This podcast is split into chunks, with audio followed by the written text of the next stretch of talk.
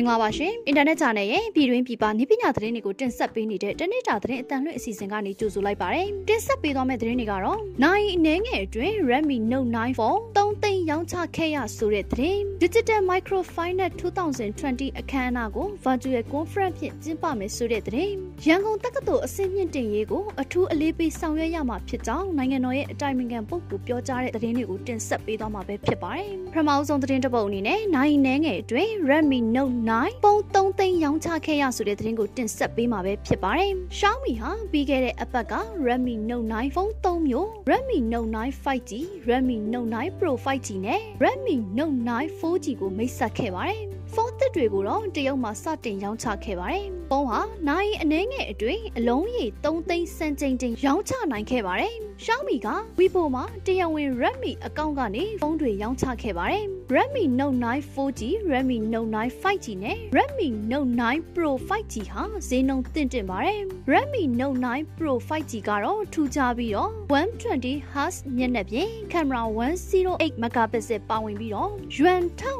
1599ကျသင့်ပါမယ်။ဆက်လက်ပြီး Digital Microfinance 2020အခမ်းအနားကို Virtual Conference ဖြင့်ကျင်းပမယ်ဆိုတဲ့သတင်းကိုတင်ဆက်ပေးမှာပဲဖြစ်ပါတယ်။မြန်မာနိုင်ငံရှိငွေရေးကြေးရေးဆိုင်ရာနှီးပညာကုမ္ပဏီဖြစ်တဲ့သစ္စာ Warp နဲ့နိုင်ငံတကာအသေးစားငွေရေးကြေးရေးအဖွဲ့အစည်းတွေအတွက်နှီးပညာကူညီထောက်ပံ့ပေးနေတဲ့ Musoni Software တို့ပူးပေါင်းပြီးတော့ Digital Microfinance 2020အမိဖြင့်အသိပညာမျှဝေပွဲကိုဒီဇင်ဘာလ10ရက်နေ့လယ်2နာရီကနေညနေ4နာရီအထိဇွန်ကနေတဆင့်ကျင်းပသွားမယ်လို့သိရပါတယ်။ Digital Microfinance 2020အခမ်းအနားမှာနှီးပညာကိုအသုံးပြုနေတဲ့အသေးစားငွေရေးကြေးရေးအဖွဲ့အစည်းများကြုံတွေ့နေရတဲ့စိန်ခေါ်မှုတွေနဲ့အခွင့်အလမ်းများမြန်မာနိုင်ငံရှိအသေးစားငွေရေးကြေးရေးအဖွဲ့အစည်းများရဲ့လုပ်ငန်းအခြေအနေအသေးစားငွေရေးကြေးရေးအဖွဲ့အစည်းတွေအနေနဲ့ Digital နည်းပညာလုပ်ငန်းတွေအဖြစ်ပြောင်းလဲနိုင်ရန်လမ်းပြမြေပုံနဲ့ Digital လုပ်ငန်းတွေအဖြစ်ကူးပြောင်းရန်စွမ်းရည်ပြင်ဆင်မှုများစတဲ့အကြောင်းအရာများစွာကိုဆွေးနွေးမှာဖြစ်တယ်လို့သိရပါတယ်။ အခမ်းအနားကိုနိုင်ငံတကာမှကျွမ်းကျင်ပညာရှင်များပြည်တွင်းမှကျွမ်းကျင်ပညာရှင်များနဲ့အသေးစားငွေကြီးအဖွဲ့အစည်းများငွေကြီးဆိုင်ရာနည်းပညာကုမ္ပဏီများကိုချိတ်ဆက်ပေးပြီးတော့အတွေ့အကြုံများဖလှယ်ကဗန်နာရေးဆိုင်ရာဝန်ဆောင်မှုများတွင် digital ပြောင်းလဲမှုများပုံမဖြစ်ပေါ်လာစေရန်ရွေးရကျင်းပခြင်းဖြစ်တယ်လို့သိရပါတယ်။ COVID-19 ကာလမှာမြန်မာနိုင်ငံရှိအသေးစားငွေကြီးအဖွဲ့အစည်းတွေအနေနဲ့၎င်းတို့ရဲ့နေ့စဉ်လုပ်ငန်းတွေကိုအခက်အခဲများကြုံတွေ့နေရပါကြောင်းတစ်ချိန်တည်းမှာပဲ e-commerce နဲ့ digital ဗန်နာရေးဆိုင်ရာဝန်ဆောင်မှုများကိုအသုံးပြုသူဥယျာဉ်များလာတဲ့အတွက်ယခုအချိန်ဟာအသေးစားငွေကြီးအဖွဲ့အစည်းတွေအနေနဲ့ပုံမူ၍ထိရောက်မြန်ဆန်သောလုပ်ငန်းများနဲ့ဝန်ဆောင်မှုများပေးနိုင်ရန်အတွက် digital ပြုပြင်ပြောင်းလဲမှုများလှုပ်ဆောင်သင့်သောအချိန်ကောင်းဖြစ်ကြောင်း အခုကျင်းပပြုလုပ်တဲ့ပွဲမှာအသေးစားငွေကြေးအဖွဲ့အစည်းတွေအနေနဲ့မြန်မာနိုင်ငံရဲ့ digital ဘဏ္ဍာရေးကဏ္ဍကိုကိုယ်တိုင်သုံးသပ်နိုင်တဲ့နေရာတစ်ခုဖြစ်ကြောင်းအခုလိုခက်ခဲနေတဲ့ကာလမှာထိရောက်သော digital ပြုပြင်ပြောင်းလဲမှုကဝန်ထမ်းတွေကိုပတ်ဝန်းကျင်အသစ်မှာအလုံးလုံးနိုင်ရန်ဖန်တီးပေးခြင်းအခွင့်အလမ်းသစ်များရှာဖွေခြင်းနဲ့ COVID-19 ကာလ new normal ကိုရှင်တွဲနေထိုင်သွားနိုင်ရေးစတဲ့အချက်တွေကိုကူညီပေးနိုင်မှာဖြစ်ကြောင်းသိရပါတယ်။ပွဲတက်ရောက်လိုသူတွေအနေနဲ့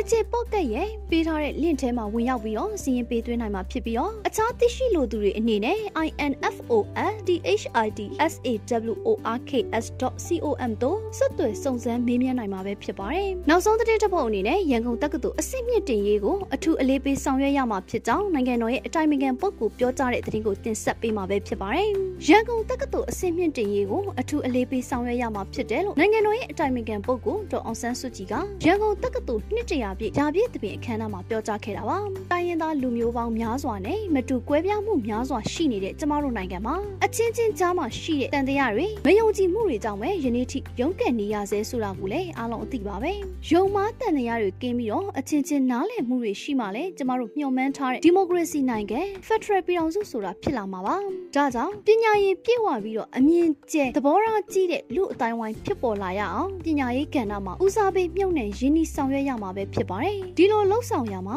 ရန်ကုန်တက္ကသိုလ်ကတမိုင်းအစင်လာကောင်းတွေကိုထိမ့်သိမ့်ပြီးတော့ကျမတို့နိုင်ငံအတွက်လူသားအရင်းမြစ်တွေနိုင်ငံတည်ဆောက်ရန်လုပ်ငန်းစဉ်အသီးသီးမှာအတူတကလက်တွဲပါဝင်ထမ်းဆောင်ကြမဲ့လူသားအရင်းမြစ်တွေကိုမွေးထုတ်ပေးနိုင်အောင်မယ်ဆိုတာလည်းယုံကြည်ပါတယ်။ဒါကြောင့်ရန်ကုန်တက္ကသိုလ်ရာပြည့်ကာလမှာသာမကပဲနဲ့ရှေ့ဆက်ပြီးတော့လေရန်ကုန်တက္ကသိုလ်အဆင့်မြင့်တင်ရေးကိုအထူးအလေးပေးရမှာပဲဖြစ်ပါတယ်ဒီလိုလုပ်ငန်းစဉ်တွေကိုခိုင်ခိုင်မာမာဆောင်ရွက်နိုင်ဖို့အတွက်လုပ်ငန်းကော်မတီတွေလုပ်ငန်းအဖွဲ့တွေဖွဲ့စည်းပြီးတော့မဟာစီမံကိန်းတစ်ခုရေးဆွဲအကောင့်ထဲဖော်နေပြီဖြစ်ပါတယ်ရန်ကုန်တက္ကသိုလ်ကိုကိုပိုင်စီမံခန့်ခွဲခွင့်ရတဲ့တက္ကသိုလ်ဖြစ်စေဖို့ရည်မှန်းချက်ထားဆောင်ရွက်နေတာပဲဖြစ်တယ်လို့နိုင်ငံတော်၏အတိုင်ပင်ခံပုဂ္ဂိုလ်ကပြောကြားခဲ့တာပါတင်ရောညွှ န်းတန်းတွေကိုပြောင်းလဲနေတဲ့ကဘာကြီးနဲ့လိုက်လျောညှိထွေဖြစ်ပြီးတော့နိုင်ငံတော်ရဲ့လိုအပ်ချက်တွေနဲ့အညီပြန်လည်ဆန်းစစ်ကမိုးမှန်ပြင်ဆင်သွားမှာဖြစ်ပြီးတော့နိုင်ငံတကာတက္ကသိုလ်တွေနဲ့အကျိုးတူပူးပေါင်းဆောင်ရွက်ရေးကိုတိုးမြင့်ဆောင်ရွက်သွားမယ်လို့လည်းသိရပါတယ်။အခုတင်ဆက်ပေးသွားတဲ့သတင်းတွေကနိုင်ငံတကာနဲ့ပြည်တွင်းမှာရရှိထားတဲ့နည်းပညာသတင်းတွေကိုအင်တာနက် channel ကနေတင်ဆက်လိုက်တာပဲဖြစ်ပါတယ်။အခုလို COVID-19 ဖြစ်ပေါ်နေတဲ့ကာလမှာ